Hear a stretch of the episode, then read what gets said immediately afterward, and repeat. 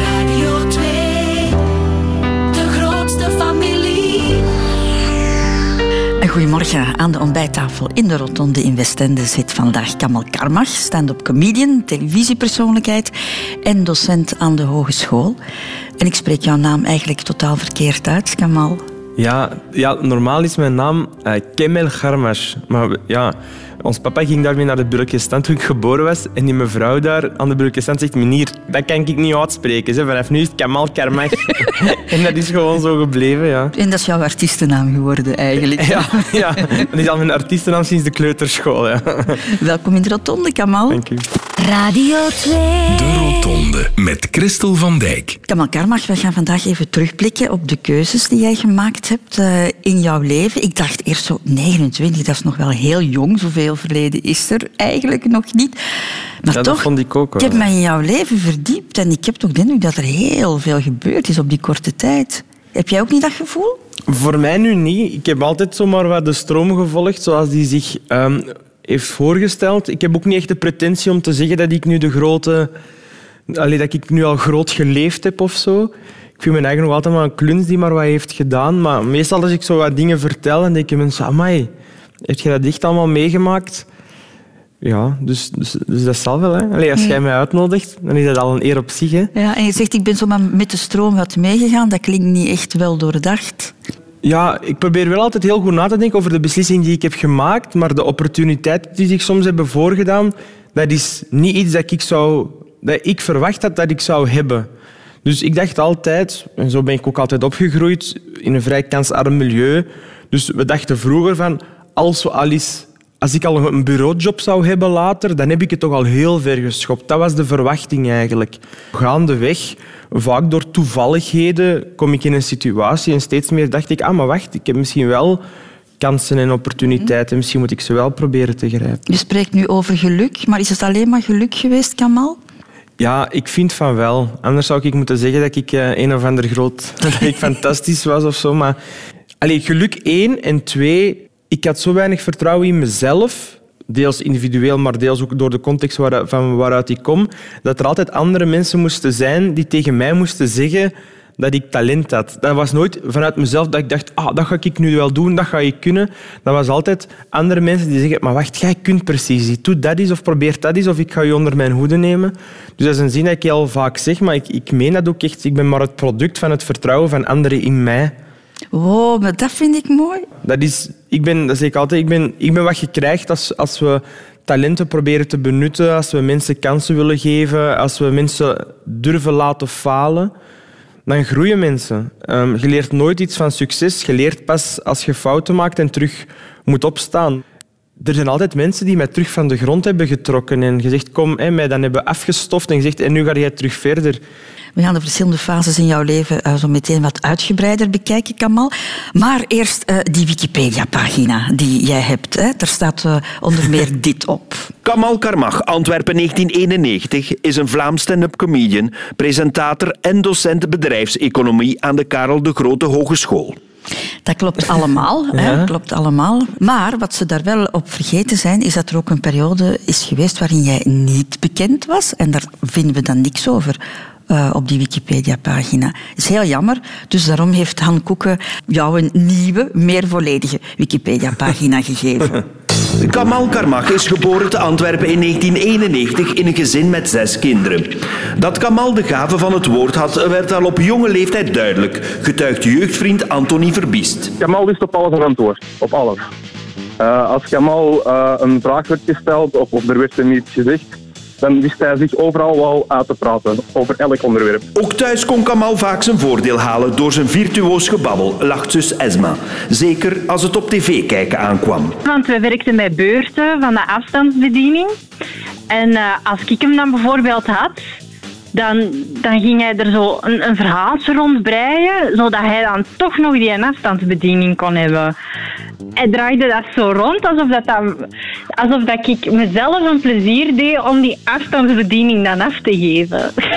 Ook op school was Kamal niet bevreesd om regelmatig de lessen op stelte te zetten. Samen met zijn vriend Anthony maakten ze meermaals het leven zuur van juf Ellen. Vooral tegenspreken. Vooral tegenspreken. Ehm, het is geregeld voorgekomen dat ik of Kamal tijdens de les uh, moesten buiten staan in de gang omdat we niet wouden luisteren naar uh, Ellen. Kamal was een slimme jongen. Toch dreigde het door zijn gedrag grondig fout te lopen in het secundair. Onthult directeur Johan Verschuren van het Jezuïetencollege. En af en toe natuurlijk ook omwille van tuchtproblemen. Uh, zeker in de allereerste jaren, echt als hij, als hij puberde. Dat viel sterk op. In zekere mate uh, werd er zelf gesproken op een zeker moment uh, om hem uit de school te zetten. En Kamal moest zijn vel gaan redden bij de directie. En dat heeft hij met verve gedaan.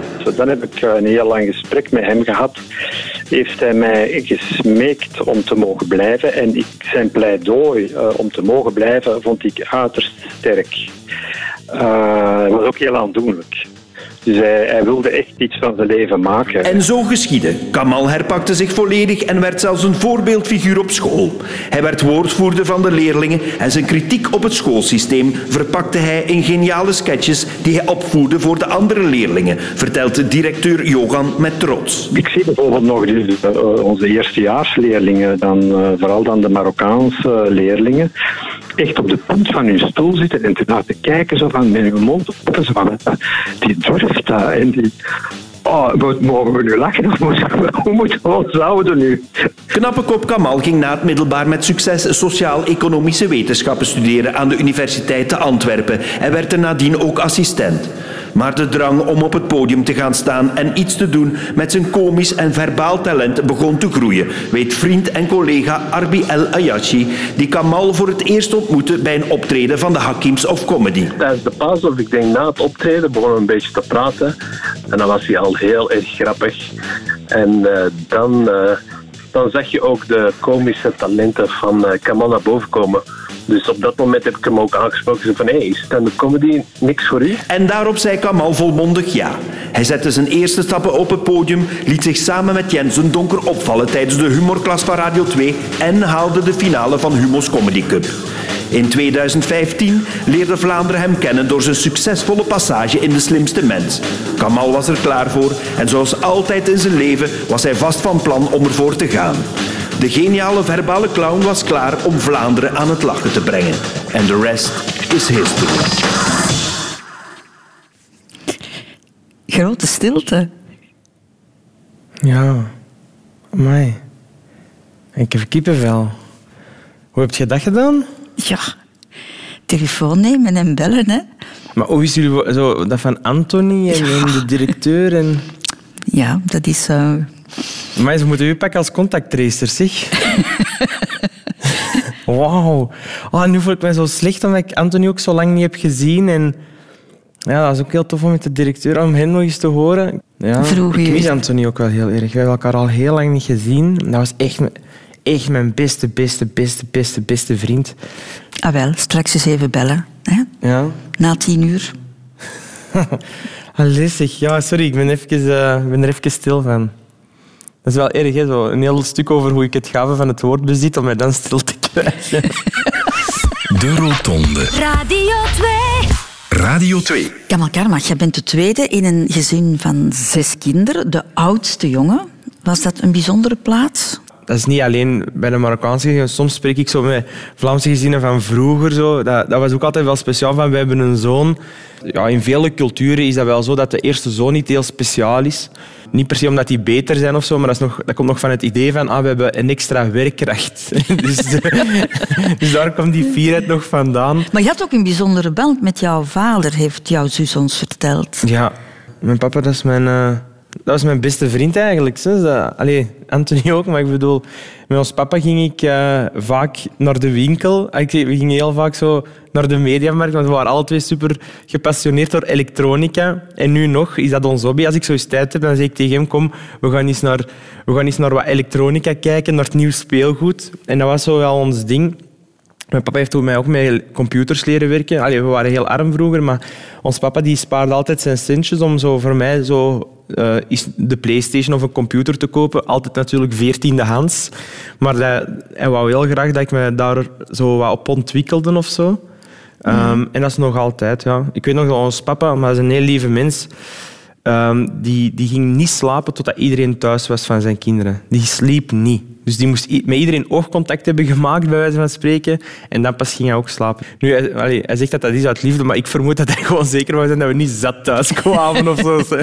Dat, dat we niks fout hebben gedaan of zo. En wat voor opvoeding heb jij gekregen, Kamal? Kan je dat beschrijven?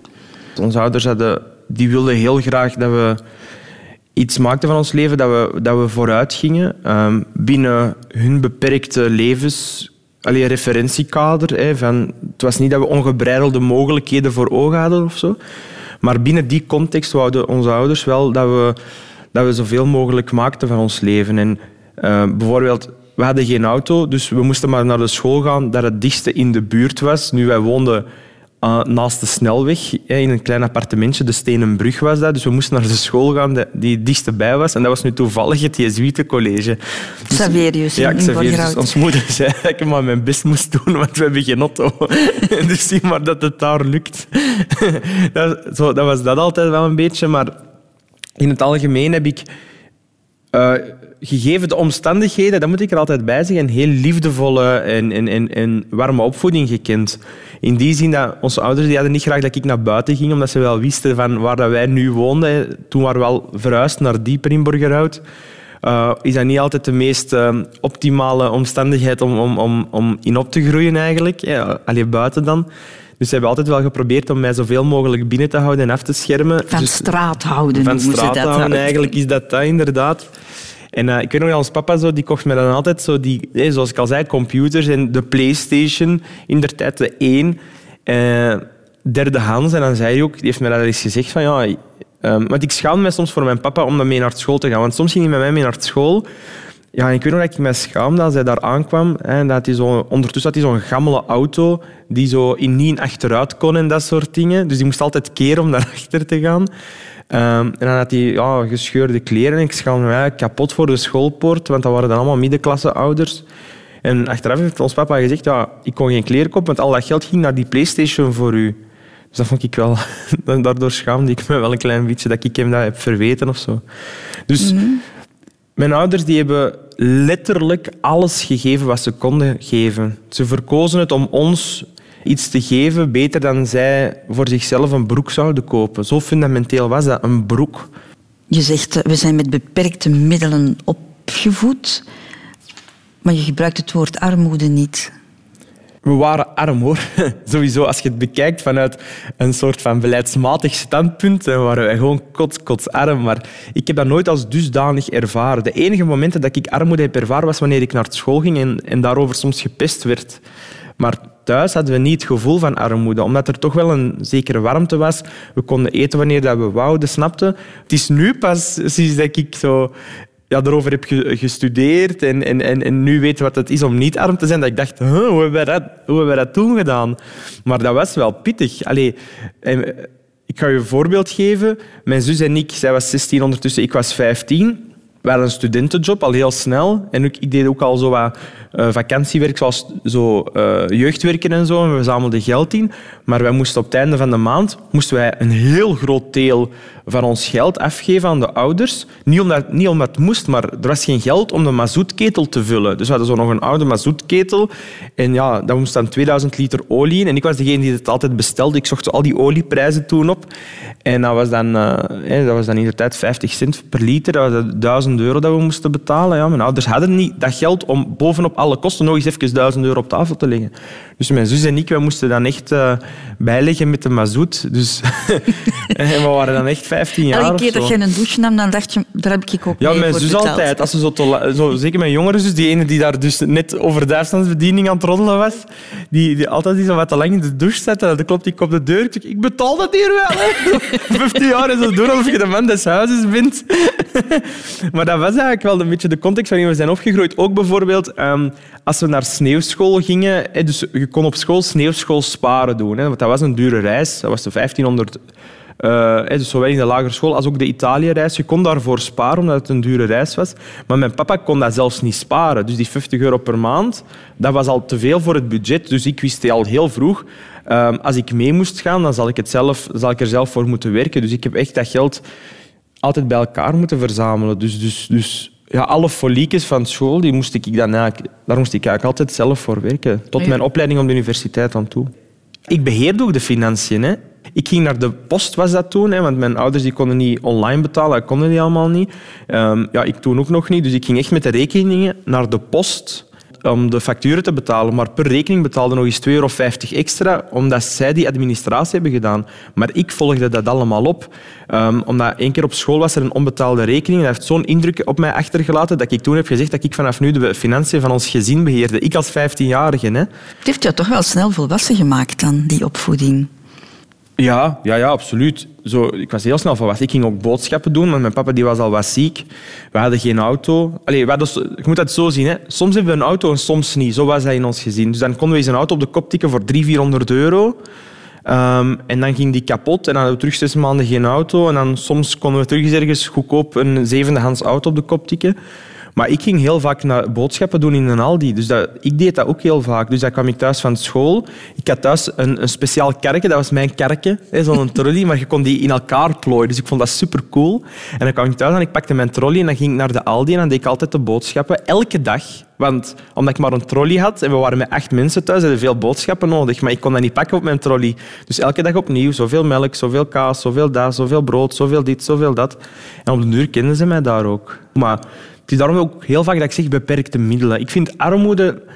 We waren arm, dus we, zaten in armoede, maar ik vind armoede dat is ook iets dat je hebt in kansen, in, in levensperspectief, in liefde, in warmte. En er waren veel mensen rond mij. Eh, we zagen elkaar graag. Het feit dat mijn zus en ik meehelpen met de mazoet eh, en met andere dingen. En soms kochten wij dan samen schoenen voor onze jongere zus of zo. Dat betekent alleen maar dat we dat graag deden en dat we dat vanuit liefde deden voor elkaar. Dat is ook altijd onze relatie geweest. Zo, We zijn niet de grote warme familie of zo. Maar wij weten van elkaar dat als het nodig is, dat we daar binnen de minuut staan. Als ik nu zou bellen naar mijn broer, die is in Antwerpen, dat is twee uur rij ongeveer van hier, die is hier binnen het kwartier. Ik weet niet hoe hij het gaat doen, maar hij is hier binnen het kwartier. De grootste familie. Radio 2. Kamal Karmach, jouw ouders die hebben niet gestudeerd. Hè? Nee. Heb jij er als kind iets van gemerkt? Ja, ja, absoluut. Mijn mama kan Nederlands, dat was heel uitzonderlijk. Daar was ik eigenlijk wel fier op, want ons moeder kon naar het oudercontact gaan. Hè. Eh, maar ik probeerde altijd mijn papa te overtuigen om met, met mij naar het oudercontact te gaan, want die kon geen Nederlands. Dus dan moest ik vertalen voor hem. En dan kreeg ik straf. Zo'n schorsing. Ik zeg, ja, ik ben zo goed op school, ik krijg drie dagen verlof. Onze moeder, daar viel ik altijd bij door de mand. Ehm, Maar heb je de indruk dat jij met een soort van achterstand aan, aan Ja. school begonnen bent? Ja, sowieso op de taalachterstand. In de zin van thuis spraken we eh, geen Nederlands tot mijn twee, drie jaar. Nu alleen maar Nederlands. Hè. Van, op een gegeven moment zijn er zoveel kinderen die thuis alleen maar... Ne- Allee, ik ben eigenlijk... Ik en mijn zus een beetje zijn nog de enigen die nog een beetje Berbers kunnen. Mijn vier andere broers en zussen kunnen gewoon geen Arabisch, die kennen de cultuur niet. Dat zijn gewoon Vlamingen, punt aan de lijn. Met roots, met migratie roots echt. Maar dat gaf het probleem, zo de die en het, die en dat fouten, de het fouten, die maakten we veel. Maar ook zo dingen niet snappen, niet begrijpen. Mijn ouders hebben nooit wiskunde gehad, dus in het eerste en tweede leerjaar konden ze wel mee, maar van zodra het over cijferen begon of zo, van die staartelingen waren ze al niet meer mee. Ja, en dan moet je maar je huiswerk doen. Dus ofwel snapte ik het in de les, ofwel kon ik gewoon mijn huiswerk niet maken. En dat was natuurlijk wel heel ambetant. Ondertussen was mijn zus denk ik in het derde leerjaar blijven zitten. Ik heb het nog volgehouden tot vijfde leerjaar. Toen moest ik ook eens blijven zitten. Maar ja, ik heb daar wel veel, veel last mee gehad. Mijn ouders die snapten dat ook heel veel niet. Mijn ouders keken gewoon naar de punten. Die zagen gewoon ja, 60% 70% dat is goed, dat is niet goed. Ja. En voor de rest niks. Ja. En dan na je lagere school ga je naar een, een moeilijke school, toch? Het Saverius College, een, een jezuitenschool in, in, in Borgerhout. Hè. Geert Noels is daar geweest, Siska Schoeters, Tom Leenaert, de kinderpsychiater Peter Adriaans. Er komen wel bekende namen uit die school. Ja, ja, ja. ja. Maar ik denk dat Tom Lenaerts en Siska het niet hebben afgemaakt. Ah, oké. Ja, dus je ziet, de wetenschappers hebben het afgemaakt en de BV's niet. nu, ik wel, ik heb het afgemaakt. Was dat een school waar jij je goed voelde? Ja, absoluut. De eerste jaren moeilijker. Ik wist niet wie ik was en zo. Ik wou mij cooler voordoen dan ik was en veel onzekerheid. En ja, ik kom dan uit Borgerhout, dus je, je compenseert dat door zo wat de, die stoerdoenerij te incorporeren. Maar was jij een buitenbeentje op die school op dat ogenblik? In het secundair viel het beter mee. In de lagere school was ik dat meer. In de lagere school was dat echt zo... Kinderen die zeiden van... Ik kwam dan al met een Aldi-zak naar school waar bijvoorbeeld mijn sportschoenen in zaten. En dan was dat daar al van, kun jij die zak wel betalen? Of zo, dat was daar wel. In het secundair was dat al een beetje minder. Maar de eerste twee jaar was ik wel niet echt op mijn gemak. En dat besef ik nu in het secundair. De eerste twee jaar is niemand op zijn of haar gemak. Snap je? Dus, iedereen was zo wat aan het profileren naar elkaar en allemaal wat stoerdoenerij aan het doen en zo wat pubergedrag. En, en ik dacht dat ik mee moest doen, maar ik had zo niet echt altijd goesting om mee te doen, dat, zo, met stout te zijn. En, maar ik deed het dan toch. En voordat je het weet, heb je zo'n rol gekregen en je beantwoordt dan aan diezelfde rol. En, en dan loopt dat fout. Dus in dat opzicht vond ik het, het eerste, tweede heel moeilijk. Ehm, het is zoals de directeur ook wel zei, van, dat liep niet goed af. En dan Nee, was want er- op een bepaald moment ben je bijna van school ja, ja, ja. gevlogen. Hè? En dan was het eigenlijk door een leerkracht, meer dan je hebt ook de perfect en, de, en, en, en nog heel veel leerkrachten, maar er was toch één specifiek leerkracht met titularis op dat moment, Hans Goossens. Ik had die ook in het derde. Die ook tegen mij zei, ja, Kamal, we zouden u van school kunnen buitenshotten, maar we doen daar u en de gemeenschap geen plezier mee, want jij, bent, jij, jij hebt te veel talent om je gewoon te laten wegsturen. Dat zei hij eigenlijk letterlijk. Van ofwel investeren we in u en dan maken we het onszelf moeilijk in de hoop dat, je iets, dat, dat goed komt. Ehm, maar met uw intelligentie, met uw context, ja, dan laten we hier misschien nu de grootste drugsbaron van, van, van de lage landen naar buiten gaan. Dat zei hij echt zo. Hè, in de, En heeft dat iets losgemaakt bij jou toen? ja, dat was de eerste keer. Ik heb dat ergens in het vijfde leren ook een beetje gehad. Er was ook wel een leerkracht die zo min of meer wel in mij geloofde. Maar het was de eerste keer dat iemand fundamenteel het opnam voor mij of zo. Buiten mijn ouders natuurlijk. Hè. Die echt fundamenteel zei van... "Ah, wel, ik ga nu eens babbelen met mensen, want ik vind niet dat we dit mogen doen. Het feit dat hij mij doorlieten gaan, dat was zo'n blijk van vertrouwen dat ik zo, dat ook niet meer wou beschamen of zo, denk ik. Heb, heb je toen beslist, ik ga echt iets van mijn leven maken? Niet per se van mijn leven of zo, maar ik, ik, ik dacht wel van, ja, kom, nu ga ik gewoon deftig mijn best wel doen of zo. Ja, dat was dat heeft het toch tweede. En dan heb je nog in derde ook zo nog wel vlagen op en af. Maar vanaf het vierde, einde derde middelbaar recht, dan dacht ik, ik vind deze eigenlijk wel leuk. Hier op school zitten, bij deze leerkrachten, op deze school, met deze vrienden. Ik ga niet weg voor mijn gedrag. Hè. Wat voor absurditeit is dat? Zo, dat had ik toen voor de eerste keer door. Ik weet nog dat ze toen mijn, mijn tante trouwde. En, en dat was dezelfde periode als dat ze nog moesten beslissen of dat ik op school mocht blijven. Dus, dus iedereen was aan het feesten en ik zat, ik weet dat nog, zat ik helemaal alleen in de auto ehm, van mijn neef. Die had dan zo'n Lamborghini gehuurd. Hè, en ik zat helemaal alleen in die auto, zo wenen, zo hopen dat ik niet van school moest gestuurd worden. En dan belde Hans Goossens naar mij van we hebben besloten dat jij mocht blijven. En ineens kwam ik zo binnen op dat feest. En ik dacht, van, "Amai, Kamal is precies wel heel blij dat ze gaat trouwen. Maar dat was echt toen, ik, was, ik zat er echt ehm, het hart van in eigenlijk, dat ik weg moest gaan. Ineens besefte ik dat van, met wat ben ik eigenlijk bezig? En voor wat ook? Dat was nu niet per se dat ik intrinsiek van mezelf wou. Je gaat zo wat mee in een groep en in een vibe. En, en iedereen, ja, ineens lieten me zoveel mensen zien dat ze in mij geloven en mij vertrouwden. Dat, ik, dat, dat heeft me wel veel gedaan. Dus dat vond ik eigenlijk, iets heel, dat vond ik eigenlijk heel schoon. Zo. En, en ik weet nog dat ik zo, zoveel schrik had dat ik weg moest gaan, dat ik eh, dag en nacht aan het bidden was voor God. Ik ging naar de moskee. Ik ik wil niet weg, God, alsjeblieft, ik wil niet weg, God, alsjeblieft, ik wil niet weg. En dan kreeg ik mijn A-test. En dan begon ik in de klas te bidden op de grond. Dank u, dank u, dank u. Ehm, en vanaf dan deed ik het niet meer voor hun. Snap je? En ineens leerde ik niet meer omdat het moest. Dus ik heb tot mijn veertiende gedacht, school is iets dat moet. En opeens dacht ik, nee, dat is iets dat je, leert. Je, je, je leert bij, je, je wordt geprikkeld. Dat is iets moois, onderwijs. Dat was toen dat ik dat besefte. En vanaf dan pff, heb ik nooit meer problemen gehad op school. Integendeel. Dat vond ik eigenlijk heel makkelijk. Na je middelbare onderwijs, Kamal Karmach, eh, ga je naar de universiteit. Je gaat sociaal-economische wetenschappen studeren. Was dat een evidentie? Ehm, dat ik naar de universiteit ging, lang niet. In mijn omgeving was de universiteit het, dat was de Champions League van het leven. Hè? De universiteit, dat was iets heel groot. Zeker ook in Marokko, daar hangt heel veel prestige aan de universiteit. Hè? Omdat ze ook een, dat is niet zo democratisch als in België. Je moet daar, als je wilt kiezen welke richting dat je wilt halen, dan moet je bij de top horen in het secundair om te mogen kiezen. Dus dat is, daar hangt heel veel prestige aan. Dus vanuit mijn omgeving, thuis en daarbuiten, was, daar eigenlijk, was dat helemaal geen evidentie. Maar voor jou wel. Voor mij wel. En dat is super raar, omdat ik zat in een school, of ik zat op een school waar alle witte kindjes, om het zo te zeggen, rijke witte kindjes, voor hen was dat een evidentie. Snap je? dat? Daar werd zelfs niet over nagedacht, over hoger onderwijs. Dat is zo, ja, wat moeten we anders doen? Terwijl ik dacht, hoe geniaal zijn jullie dat dat voor jullie een evidentie is? Maar dat, is, dat, heeft alles te maken met kansen en context.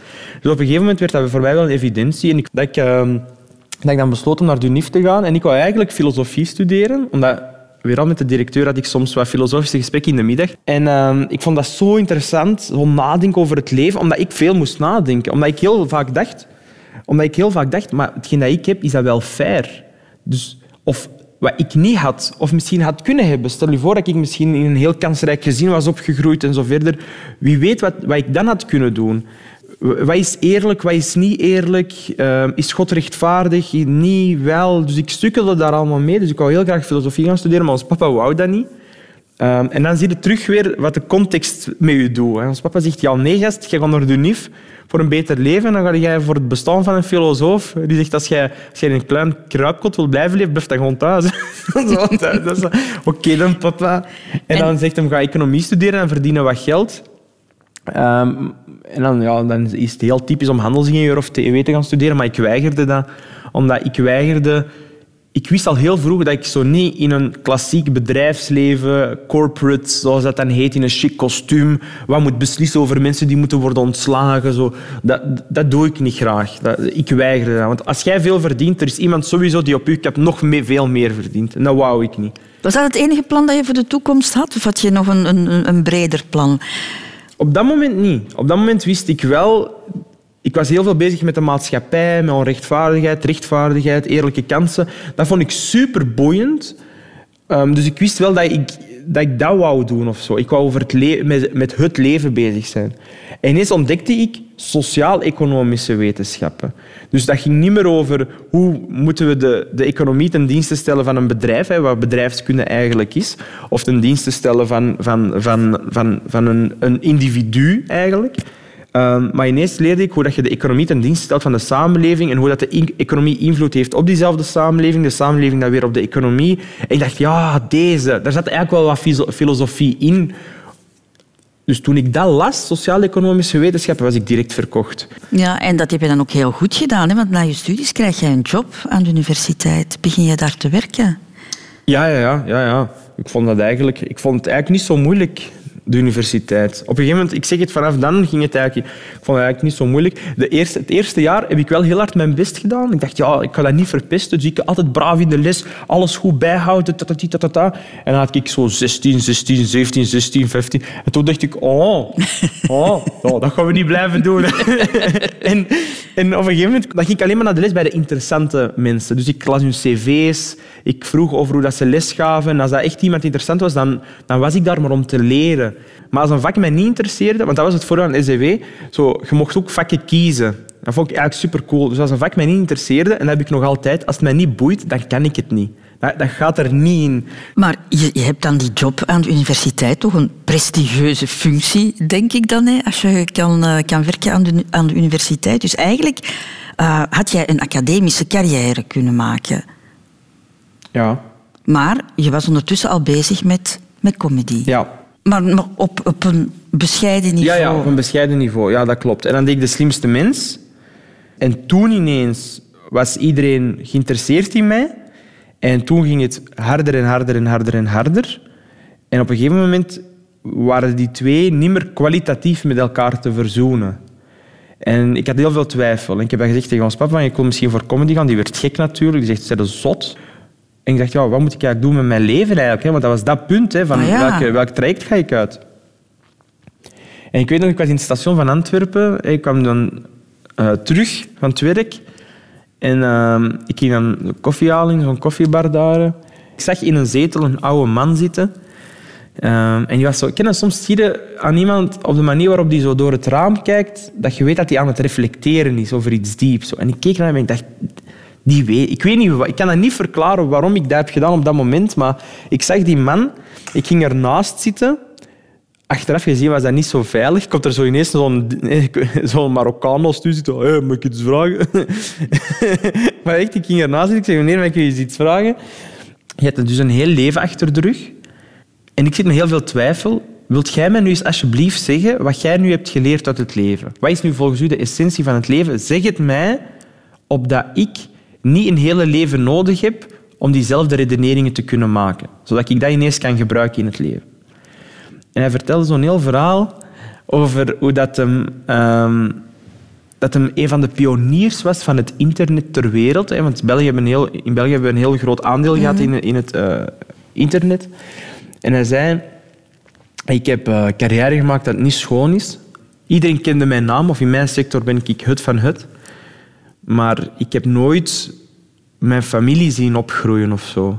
En nu dat ik oud aan het- worden ben en mijn onderzoek en mijn wetenschap achterhaald is ondertussen, want ze, waren, allee, ze zijn aan het verder bouwen, dan verdwijnt mijn naam met de, met, samen met de collega's die nu ook aan het sterven zijn. Maar de mensen die, die, die echt om mij geven, die heb ik nooit diezelfde liefde teruggegeven. En hij zei, de essentie van het leven is dat je goed kunt doen voor anderen en dat je relaties koestert. Of het nu een kind is, of je partner, of vrienden, familie. Koester relaties. Dat is de essentie van het leven. Dat geeft je warmte. Dat en terugdoen voor mensen. En ik zeg, ja, dat is allemaal wat bond zonder naampraat, maar, maar wat, moet ik, wat moet ik dan doen? En hij zei, als je ooit een beslissing maakt, jongen, is er één raad die ik u geef. Bij elke beslissing moet je nooit denken, wil ik zo leven? Je moet elke beslissing maken met in je achterhoofd. Als ik deze beslissing volg, zal ik er blij mee zijn op mijn sterfbed. Wil ik als die persoon sterven? En als je dat doet, dan kun je heel snel hoofd van bijzaak onderscheiden. En toen koos ik voor televisie. Ik wil nog even voortpraten over die keuze voor comedy, Kamal Karmach. Ehm, dat is iets waar jij al mee begonnen bent tijdens je middelbare school, blijkbaar. Heeft jouw eh, directeur toch gezegd dat, Ja, jij, ja, ja. Dat jij zo de man was die regelmatig het podium opkroop? Maar had je toen al het gevoel van, ik kan dit Nee, wel? nee, nee, nee, nee. Ik had toen nooit gedacht dat ik comedian zou worden. Nee, nee, dat was gewoon... Ik vind dat grappig, ik doe dat graag, ik kijk heel veel naar grappige filmpjes. Kom, we gaan iets leuk doen met Chrysostomos. Nooit gedacht dat dat mijn beroep of zo ging zijn. Nee, nee, maar je gaat dan wel op een bepaald moment meedoen aan humorwedstrijden. hè, De humorklas van Radio 2. Eh, dan heb je ook nog eh, meegedaan aan Humo's Comedy Cup. Dus op een bepaald moment moet je toch de klik maken van... Ik ga mij daarvoor Ik wou, inschrijven. nee, ik wou mij niet inschrijven. Dat zeg ik altijd. Ik wou dat niet, want ik was pas begonnen. En ik weet nog dat ik bij... ehm, dat ik via ja, heette dat, dat was dan een programmator in de culturele sector. Die had me dan in een traject gestoken. Get Up Stand Up was dat. En heb ik zo al wat kleine zaaltjes mogen doen en kreeg ik workshops. En dan had ik ook bij de mensen van Café de Joker, hè, Fokke en Bas, volgde ik ook een workshop. En op een gegeven moment waren er de inschrijvingen van Humo's Comedy Cup en ook de humorklas. Dat was toen vrij gelijktijdig. En ja, ik zeg, ja man, ik ga natuurlijk niet meedoen. Ik ben nog maar pas begonnen. En zij zeiden, Kamal, doe mee. Je gaat waarschijnlijk niet ver geraken, maar dat is oké. Dat is podiumervaring. hè. Je leert ervan. Je gaat met mensen op stap. eh, Je gaat andere comedians bezig zien. Snap? Dat is een manier om op podia te geraken. Ik zeg, ja oké, als, als het zo is, dan doe ik mee. Dus ik dacht, ik ga niet opvallen. Dat dacht ik echt. En voor ik het wist, stond ik ineens in de minaar met Humo's Comedy Cup. Eh, de zaal, ik weet dat nog, de zaal ontplofte. Iedereen dacht toen, die gast gaat dat sowieso winnen. En uiteindelijk heb ik in de Arenberg terecht verloren van, van Lucas Lely. En ik weet nog ook met de humorklas. Dat was met u toch niet? Ja, met u en Jan Verheijen. Weet ik nog dat ik de finale deed met Jens de Donker, was dat toen. Ik herinner me ook nog de recensie van Karel Michiels. Dat Jens het beter bracht en dat ik de betere jokes had. Maar dat ik te lang... Ik, had toen te- ik ging over mijn tijd van twee minuten, waardoor jij mij abrupt afbrak. Echt waar. Dus ik had mijn mop niet kunnen maken. Ik weet nog, dat ging over cocaïne en zo'n heel grap over Tom Bonen die ik aan het opbouwen was. En jij na twee minuten... En ik dacht, allee, Christel, daar gaat mijn carrière. Ik kende... Het heeft mij jaren geduurd voordat ik u terug onder ogen kan, kon Oh, komen. ik herinner ja. me dat niet meer. Dat vind ik nog het ergste. Ik maak mijn carrière kapot en ik krijg niet eens het fatsoen dat je het u herinnert. Oh my god. Maar goed, ik, ik, ik kan dan gelukkig zeggen dat het allemaal heel snel gaat daarna voor jou. De slimste Ja. mens, zaalshows, een aantal Ja. televisieprogramma's. En plotseling word jij op heel korte tijd een bekende Vlaming. Ja. Hoe ben je daarmee omgegaan? Ik vond dat niet leuk. Dat lijkt allemaal, ik allemaal super cool. Net zoals ik niet had verwacht dat ik zo ver ineens zou geraken. Ik wou dat eigenlijk niet. Ook de slimste mensen. Allee, eigenlijk wou ik niet meedoen. Ik vond het wel leuk dat ik mee mocht doen en dat ik werd gevraagd. Maar we hadden allemaal zo schrik van... Ja, het is te vroeg, want ik was nog niet lang genoeg met comedy bezig. Ik was nog maar acht maanden met comedy bezig voor ik in de finale zat van beide wedstrijden. Dus ineens kom je op tv... Maar als je op de slimste mens komt als comedian, dan denkt iedereen... Ah, maar die jongen die is zo goed waarschijnlijk. Die, die heeft al kilometers op zijn teller. Daarom wordt hij gevraagd in de slimste mens. Wat niet waar was. Ik viel op door Humo's Comedy Cup en Humorklas. En, en oh, dat is misschien wel een toffe gast. Maar het probleem is dat de perceptie van de mensen veel verder was dan wat mijn effectieve niveau was op dat moment. En dat was heel moeilijk, want alles wat ik deed op tv was voor mij zoeken en ontdekken. Wat ik op het theater of op de, op het podia, op de podia deed, dat was zoeken en ontdekken. Ik, had mijn stem nog niet. Dus ik ben ook veel afgegaan met grappen die ervoor voor slimste mensen werkten de grappen wel en daarna niet meer. Omdat de mensen dus ervoor worden een sympathieke jongeling die het wou proberen. Oh, dat is wel grappig wat hem zegt. En daarna was het... Oh, is dat alles? Allee, ik vond hem precies toch wel beter met de slimste mens. Of ik had hem toch beter verwacht. Dus dat was heel moeilijk, omdat ik moest leren vallen en opstaan terwijl er op mij een spotlight gericht was. Omdat heel Vlaanderen zoiets had van allee, we zullen nu wel eens zien wat hem allemaal kan. Dus ik vond dat eigenlijk vrij Dat onaangenaam. heel veel druk dan ook. Dat ook Heel ja. veel druk, ja. Ik vind eigenlijk, klinkt raar, dat ik maar sinds vorig jaar, vind ik, op het niveau sta dat ik breed bekend mocht zijn. Dat ik oprecht kan zeggen, dat kunnen wij nog subjectief goed vinden, niet goed vinden. Dat kan, hè. Vind, ik vind ik allemaal niet zo grappig.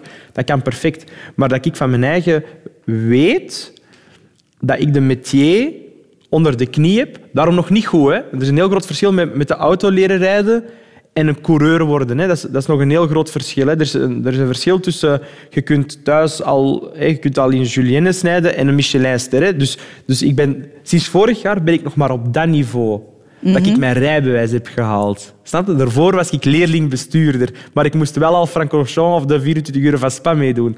Maar het was wel moeilijk, ik geef dat eerlijk toe. Ik, vond het, ik moest mijn eigen zoeken. En dat komt dan allemaal nog eens in je twintiger jaren, hè, waarin dat je als mens sowieso al zoekende bent. Hè. Sowieso zeggen, wat wil ik, waar wil ik naartoe, wat is mijn leven? Ondertussen, eh, in het begin was dat tof, slimste mensen, carrière en alles gaat heel snel. Maar op een gegeven moment wordt televisie en comedy en volle zalen wordt normaal. Allee, dat is uw werk op een gegeven moment. Dus vanaf dan dacht ik, ja, nu kan het eigenlijk alleen nog maar naar beneden gaan. En je zoekt naar, oké, maar wat, wat, wat kan ik doen op televisie? En dan denk je, ja, maar die en die en die en die zijn veel grappiger en getalenteerder als ik. Eh, je bent ook niet assertief genoeg. Dus, dus ja, dat is echt heel hard zoeken. En ik had gewoon gelukkig mensen die, die mij bleven geloven.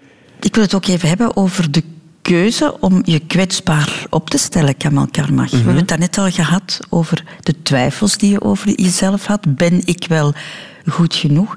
Jij bent niet beschaamd om te praten over de dingen waarmee je worstelt. Hè? Nee. En ook niet, ik twijfel niet over ben ik goed genoeg. Ik weet dat ik niet goed genoeg ben. Maar dat, ik, vind dat een heel, ik vind dat heel positief. Snap je? Ik wil groeien. Op het moment dat ik zeg ik ben goed genoeg, dan heb ik niet meer de neiging om te groeien, om te werken. Dus ik vind dat wel tof. Je moet ermee kunnen omgaan. Je moet dat niet persoonlijk pakken, snap je? Van, je mag dat niet aan je identiteit laten knagen. Maar dat je kritisch bent over je prestaties, maar eerlijk en constructief kritisch, dat is goed.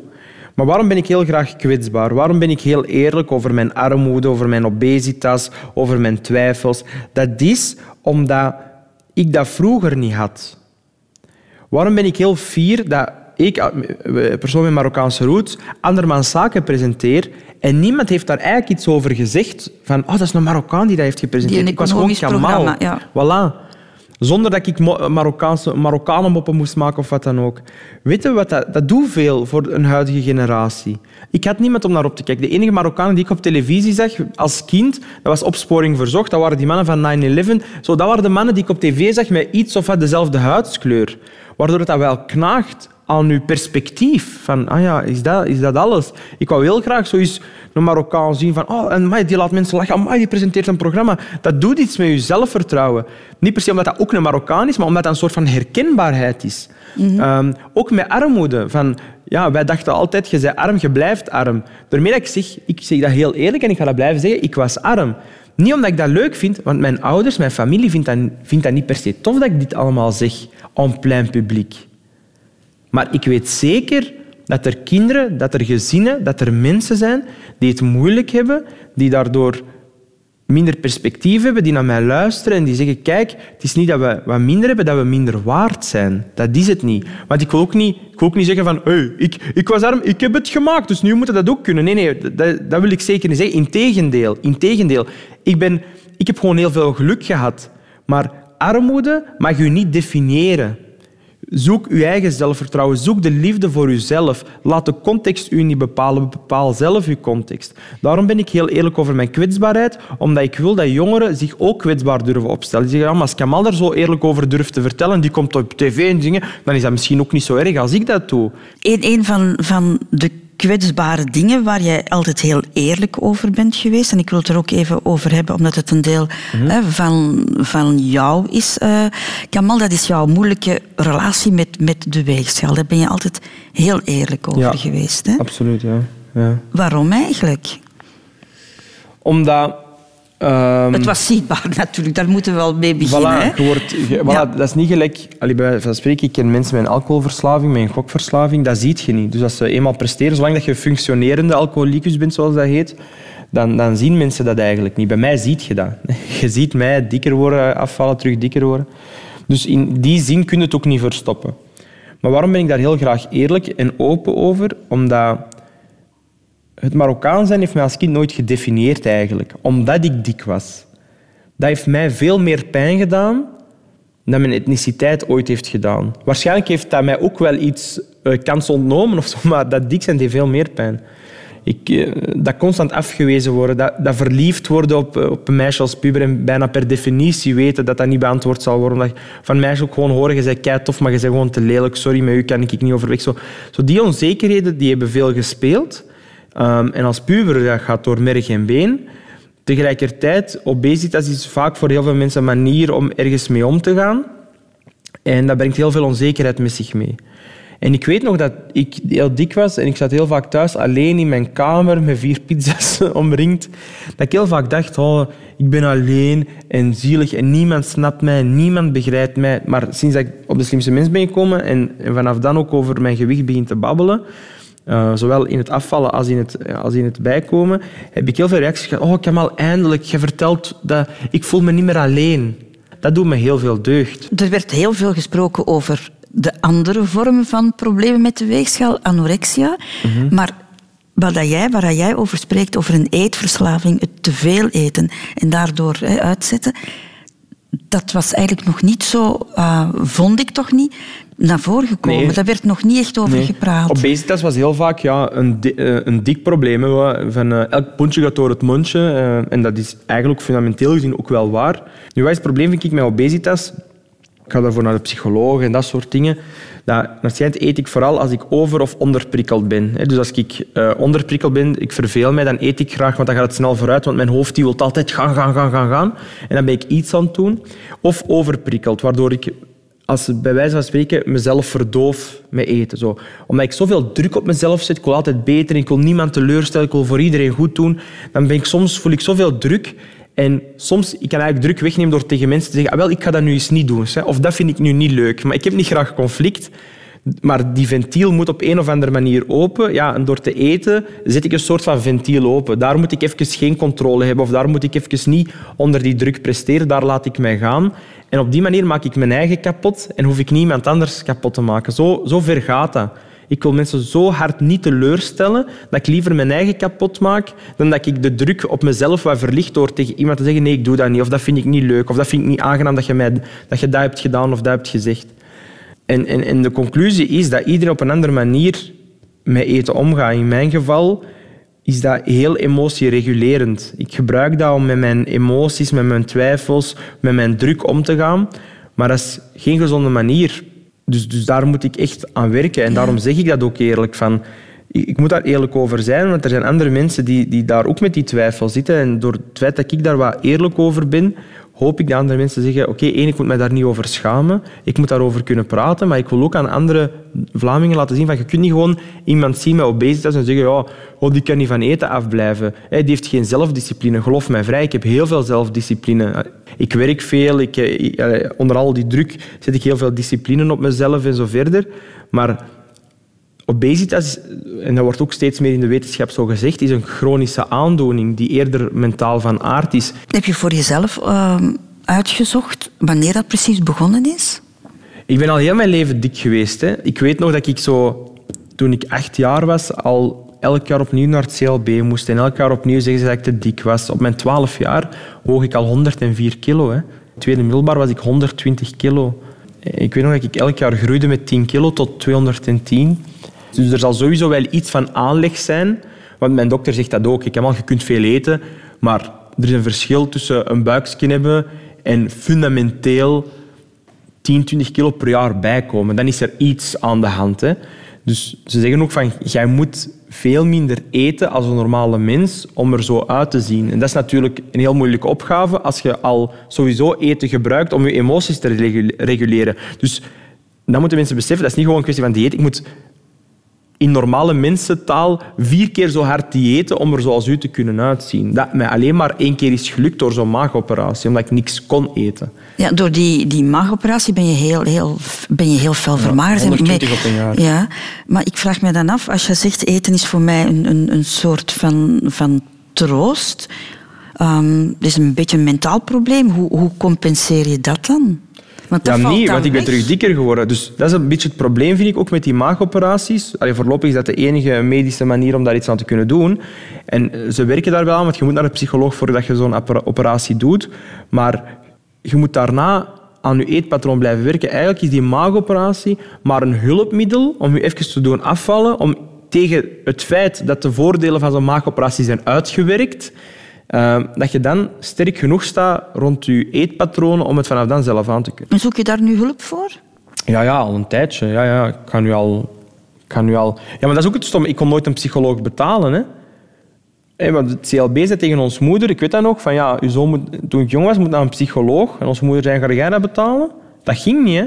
Dat ging niet. Dat was echt letterlijk kiezen tussen de elektriciteitsrekening betalen of Kamal gaan een uur naar een psycholoog. Terwijl, ja, psycholoog, dat moeten wekelijks bijna gaan doen. Hè. Dus dat is 200 euro per maand. Dat is wat ons papa betaalde aan, aan, aan de sociale... Hoe noemt dat? Ik weet niet, sociale woninggedoe. Dus dat was geen optie.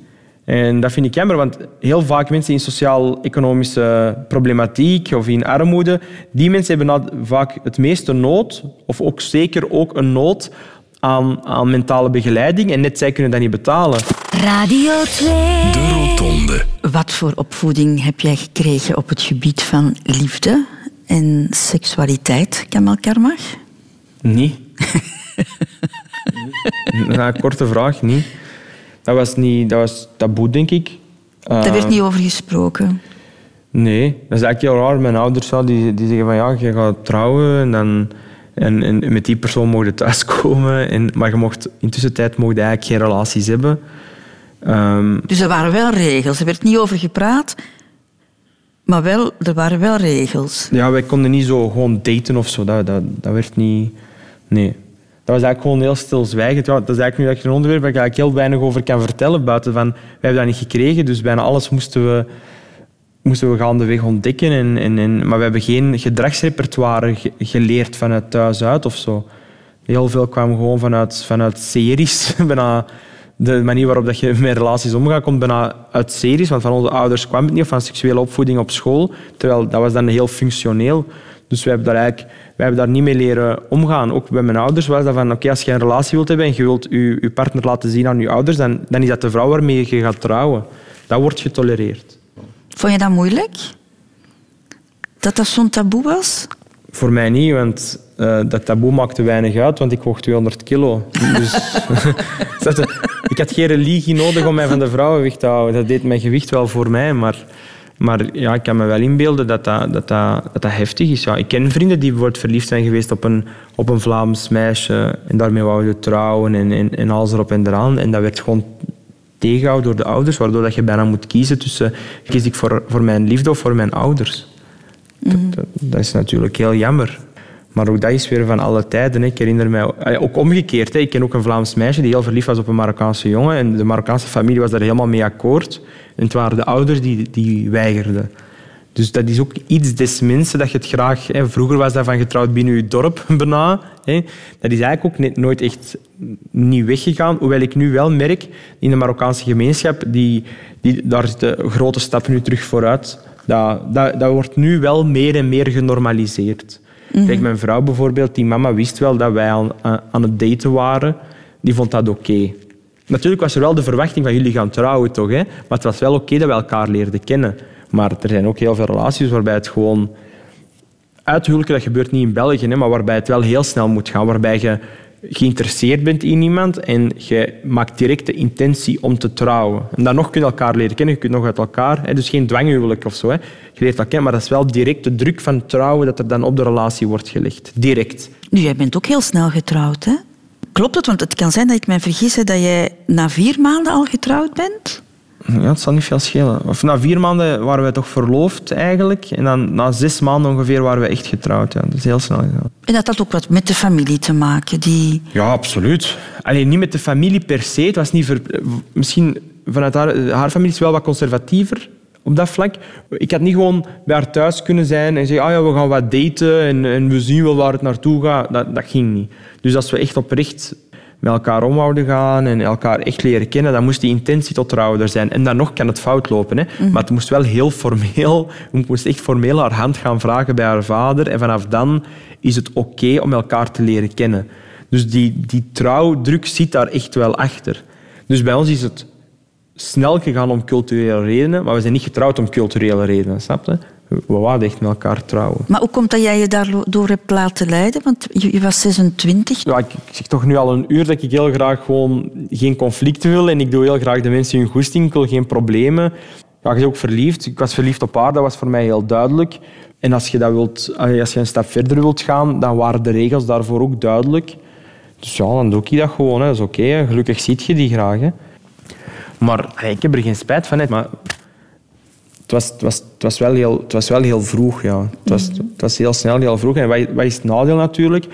Je hebt nooit met elkaar samen gewoond. Je kent elkaars gewoontes niet. Ineens woont je na zes maanden al samen. En dan pas leer je elkaar echt kennen. Pff, dat is toch niet zo simpel, denk ik, hè? Nee, dat is, nee, natuurlijk is dat niet simpel. Nee. Van de ene dag op de andere. Je woont alleen maar thuis.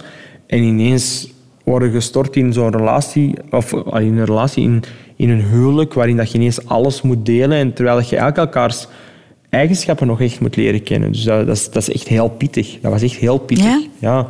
Ja, want je, je hebt in een, vorig jaar in een interview gezegd dat er op een bepaald moment ook een, een bepaalde spanning was hè, in, in, in jullie huwelijk. Ja. Was, het, was dat dat, het, het, het moeten zoeken? Als je elkaar leert kennen in het begin, dan zit je altijd op je best. hè. Je gaat altijd opgemaakt, eh, je gaat altijd superleuke dingen je bent aan het daten. Maar die periode heeft, heeft, heeft relatief kort geduurd. En voordat je het weet, zit je thuis en dan zie je haar in dat putje. En, en, dan, en dan hoort zij mij scheten laten in mijn slaap. Maar uw relatie is nog niet sterk genoeg om dat allemaal mee te pakken. Nu, mijn papa zei altijd, van, dat is net goed, omdat je ontdekt slechte dingen van elkaar, maar je moet ook nog nieuwe, positieve dingen. Dus dat heeft elkaar op. Dat is net keigoed. Maar dat was voor ons wel heel pittig. En op een gegeven moment weet je veel van elkaar, waardoor dat we ook echt op een gegeven moment moesten zeggen tegen elkaar van oké, gaan we dat herevalueren van de persoon die we... Dus jij weet nu meer wie ik ben. Ik was ook aan het bijkomen ondertussen, dus, dus ik was ook terug weer aan het vechten met mijn eigen demonen. Ik ken u veel beter. Ja, willen we dit nog wel, wetende van elkaar wat we weten? Snap je? En dat was een heel... Ging het, ging het zover, ja? Dat jullie die relatie echt in vraag stelden? Ja, maar dat was heel positief. Snap je? We hebben eigenlijk nooit ruzie gemaakt.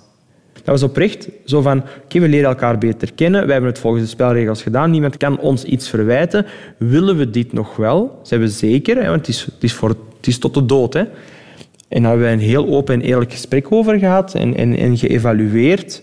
Ehm, en dat is nog altijd dat we dat aan het evalueren zijn. We hebben relatief weinig ervaring gehad op, op relatievlak. Dus dat is, dat is een heel moeilijke ontdekking geweest. Ik ben ook niet te makkelijk zo mee samen te leven. Ik vind het meer mijn fout dan haar fout, eerlijk gezegd. Ik leef voor mijn werk. Ik leef om andere mensen het naar hun zin te maken. Ik laat mensen graag lachen. Ik ben heel tijd bezig. Ik wil, ik wil iets maken van mijn leven. Ik doe heel veel mijn best, ook voor anderen buiten de comedy en televisie. Waardoor ik soms vergeet om, om, om eh, ook mijn best te doen thuis. Ehm, dat je elkaar heel snel zo voor... Ah ja, dat, zij is er, dat is goed en we zien elkaar graag. En als we eens tijd hebben, doen we iets samen. Waardoor je misschien te weinig in de relatie investeert. Terwijl ik dat wel had moeten doen, zeker net omdat we zo snel zijn getrouwd. We hadden veel harder moeten werken aan, aan, aan, aan ons als, als team. Terwijl ik al heel snel terugging naar de orde van de dag. Terwijl zij zij heeft niet dezelfde levenservaring die ik had gehad, want zij is eigenlijk zij is super warm gezin, super toffe mensen, alles erop en eraan. Maar ineens werd zij wel, want zij is ook jonger dan ik, ehm, werd zij geconfronteerd met een huishouden, met een man die vaak weg is. En zo moest ook gaan werken, dus haar leven is volledig overhoop gegaan. En ik vind, en dat is aan mijn fout, dat ik, ik heb haar wel gesteund. Hè. Allee, ik, ik, was nu niet, ik heb haar niet verwaarloosd, of integendeel. Hè. Maar ik ben gewoon heel streng voor mijn eigen. Ik, denk, ik had nog meer moeten doen, ik had nog meer moeten doen. Maar nu gaat het wel veel beter. Jullie relatie zit terug eh, op de rails met een dochter er ondertussen bij. hè? Ja, Dat is voilà. nog een, Ja. nieuwe, een nieuw stukje cement. Hè? Ja, voilà. Radio 2. Op je 29ste doodgaan, Kamal Karmach. Ehm, het is vroeg, te vroeg, maar ik ga je die laatste afslag toch al laten nemen. Mhm. Hoe kijk jij ernaar? Ik denk er veel aan, eerlijk gezegd. Ja, nu Ik al? denk heel veel aan de dood. Ja. Vroeger nog meer, toen ik 210 kilo woog. Ik had heel zware slaapapneu. Mijn dokter zei, ja, je mocht blij zijn als je de 30 haalt. Waarschijnlijk als boetade, maar ja, hij dacht, ja, jij gaat niet lang hebben. Hè. Dus sindsdien heb ik altijd wel schrik gehad van de dood. Misschien dat ik daarom zoveel drijfveer heb om iets van mijn leven te maken, omdat ik zo denk van, ja, ik ga niet zo lang hebben. De, mijn grootvader, op wie ik heel hard trek, die is ook heel vroeg gestorven aan een hartaanval, was ook heel dik. Dus ik heb wel echt zijn genen. Maar toen ik de operatie deed en heel mager was, dacht ik daar eigenlijk niet aan. Maar nu ik terug dikker word, en zeker sinds ik een dochter heb, heb ik daar wel meer schrik van. Zo elke dag opnieuw denk ik, oké, misschien moet ik eens een testament laten zetten. Wat ga ik daarmee doen? Spijt ook dat je het zo ver hebt laten komen. Dus ik denk, dat, ik denk heel veel aan de dood, ja. Heb je er schrik van ook? Behalve het feit dat het nu te vroeg zou zijn, hè? mocht je nu de ogen sluiten. Ik heb vooral schrik om mijn dochter alleen te laten. Nu wel, daarvoor niet. Ik rationaliseerde dat heel hard. Sinds ik een dochter heb, vind ik het erger om te sterven. Nu heb ik daar echt schrik van. Ik wil haar niet alleen in de wereld laten zonder dat ik haar heb kunnen ondersteunen en haar heb kunnen begeleiden. Het zou jou ook een schuldgevoel geven, denk ik. Hè? Die heb ik nu. Die heb ik nu. Nu schaam ik me heel diep dat ik zo dik ben geworden, omdat, ik, omdat dat misschien jaren met mijn dochter kan kosten. Dat vind ik kut. Sorry voor dat- mijn woordgebruik, maar dat vind ik wel heel erg. Daar zit ik het meeste mee in. Dat, ze mogen mij alles afpakken. Als ze mij, al mijn geld, alles wat ik heb, alles. Als ze mij morgen kunnen zeggen, je bent mager en je kunt tot je negentigste met je dochter blijven, ik zou direct tekenen. Ik zou direct tekenen. Ja, Ja. Alles afgeven. Dat is niks waard als je niet met, je, met, je, met de mensen kunt zijn met wie dat je graag bent. Dat is, dat, is, dat is de essentie van het leven. Daar denk ik vaak over na. Ik had de kans gehad om heel rijk te worden op een gegeven moment. Zowel met zo'n bedrijf waar ik zo'n plan voor had en zo verder. En dan dacht ik, ja, maar dan wordt dat mijn leven, rijk worden. En dat vind ik precies niet zo comfortabel. Ik vind dat zo oppervlakkig. Vroeger niet, hè. Oh, dat is alles. Maar ik heb geld gehad. Nu. Ja, ik heb mijn zaken eh, verkocht. Eh, dan ging het heel goed in theater, ging het heel goed op tv. En op een gegeven moment heb ik zo echt heel veel geld verdiend. En toen dacht ik, ja, ik ben niet per se gelukkiger als toen ik arm was. Weet je het enige voordeel is van arm zijn? Je hebt weinig keuzes. Dus je hebt ook geen keuzestress. Van zodra dat je geld verdient en je hebt opties, dan, denk je- dan, is het zo kiezen is verliezen. En dat, dat, dat neemt ook heel veel levensgeluk weg, vind ik. Zo geld maakt niet gelukkig. Ik vind dat geld deprimerend kan maken. Langs de andere kant is geen geld hebben ook deprimerend. Dus er is zo een, tussen, een tussenpad die volgens mij heel comfortabel is. Ik ben heel hard van de mening, ofwel, we worden stinkend, stinkend rijk. Zo dat rijk dat je, dat, je, dat je het leven hebt uitgespeeld, bij wijze van spreken. Ehm, oftewel, ja, en dat, los van geld dat je gewoon krijgt door de lotto te winnen of zo. Hè. Ehm, oftewel vind ik het vrij nutteloos. Zo 10 miljoen euro hebben of zo, ik weet niet. Dat lijkt me zo... Ik zou er toch al blij mee zijn. Maar goed, gaan we even terugkeren eh, naar de dood. eh, Ja, veel beter. Ja, de dood, ja. Je bent gelovig opgevoed. Ja. Speelt dat geloof nog altijd een rol Ja, in, in jouw leven? Absoluut. Ik geloof echt in God. Met de religie aan zich, dus echt de, de religieuze structuur, die zijn, oh, de regeltjes, en daar heb ik meer moeite mee. Ehm, omdat ik vind, en dat is met alle religies zo, hè, ook in het christendom, hè, als je kijkt naar de aflaten, vroeger kon je je zondes afkopen door wat geld te geven aan de pastoor. Allee, er zit altijd heel veel corruptie in. Religie is heel vaak gebruikt geweest als een manier om macht te houden. En ik vind dat dat in de islam niet anders is. Maar die God, daar geloof je wel in. Absoluut, absoluut. En dat is ook met mijn gesprekken met de directeur, mijn jezuïet. Het is eh, een, een, een overtuigd katholiek heeft mij meer overtuigd van God. Ik geloof in, in God, in een soort van perfectie. Ik geloof niet in God, dat is mijn persoonlijke mening, dus ik ben geen theoloog. Dus alles wat ik zeg over de islam moet je niet als waarheid aannemen.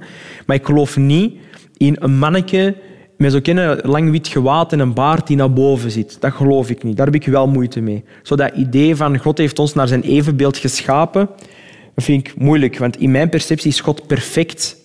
En een mens is niet perfect. We gaan elke dag naar het toilet, we laten scheten, we stinken, er groeit haar op plekken waar we niet willen dat haar groeit. Dat is per definitie niet perfect.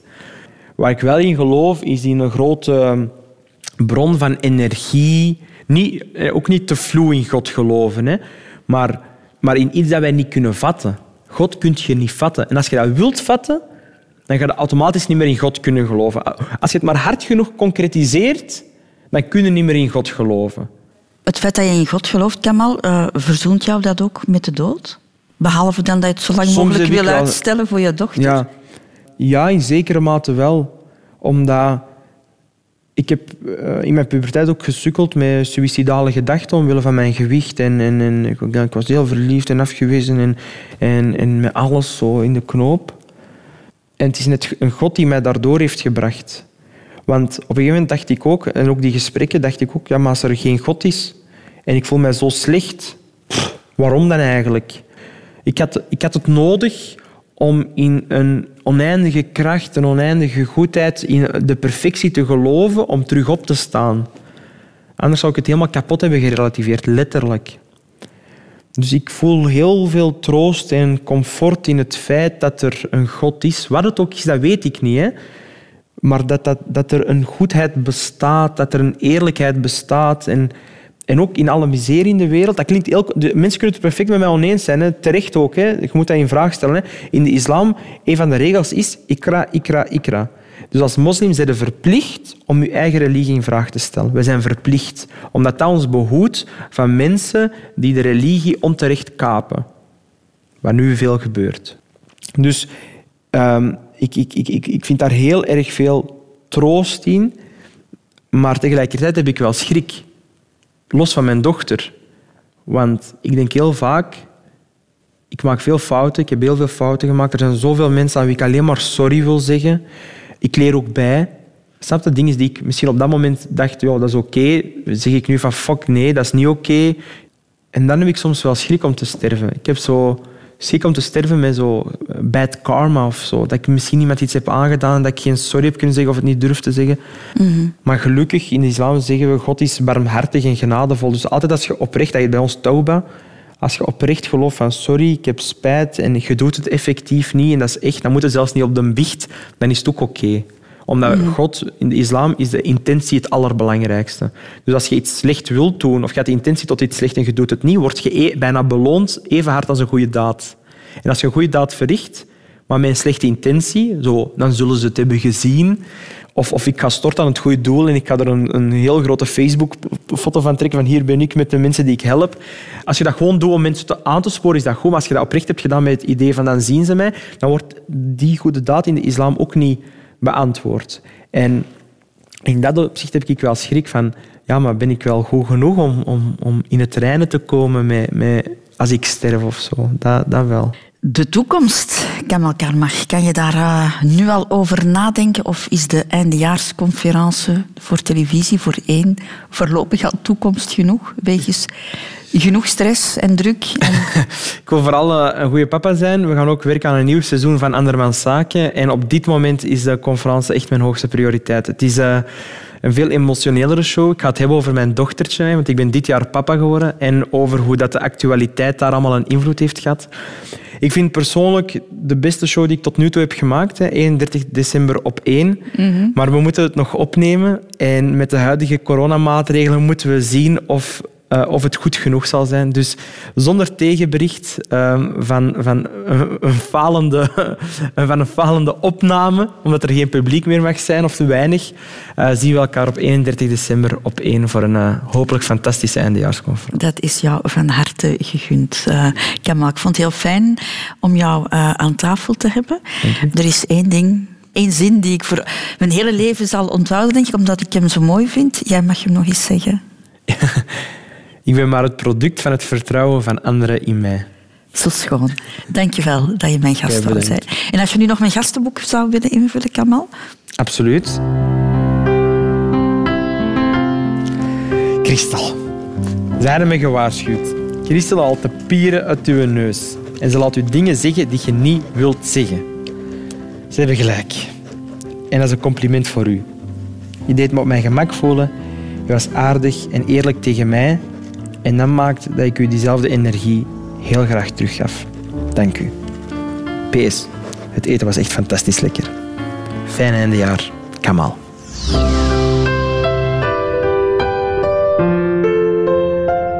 Radio 2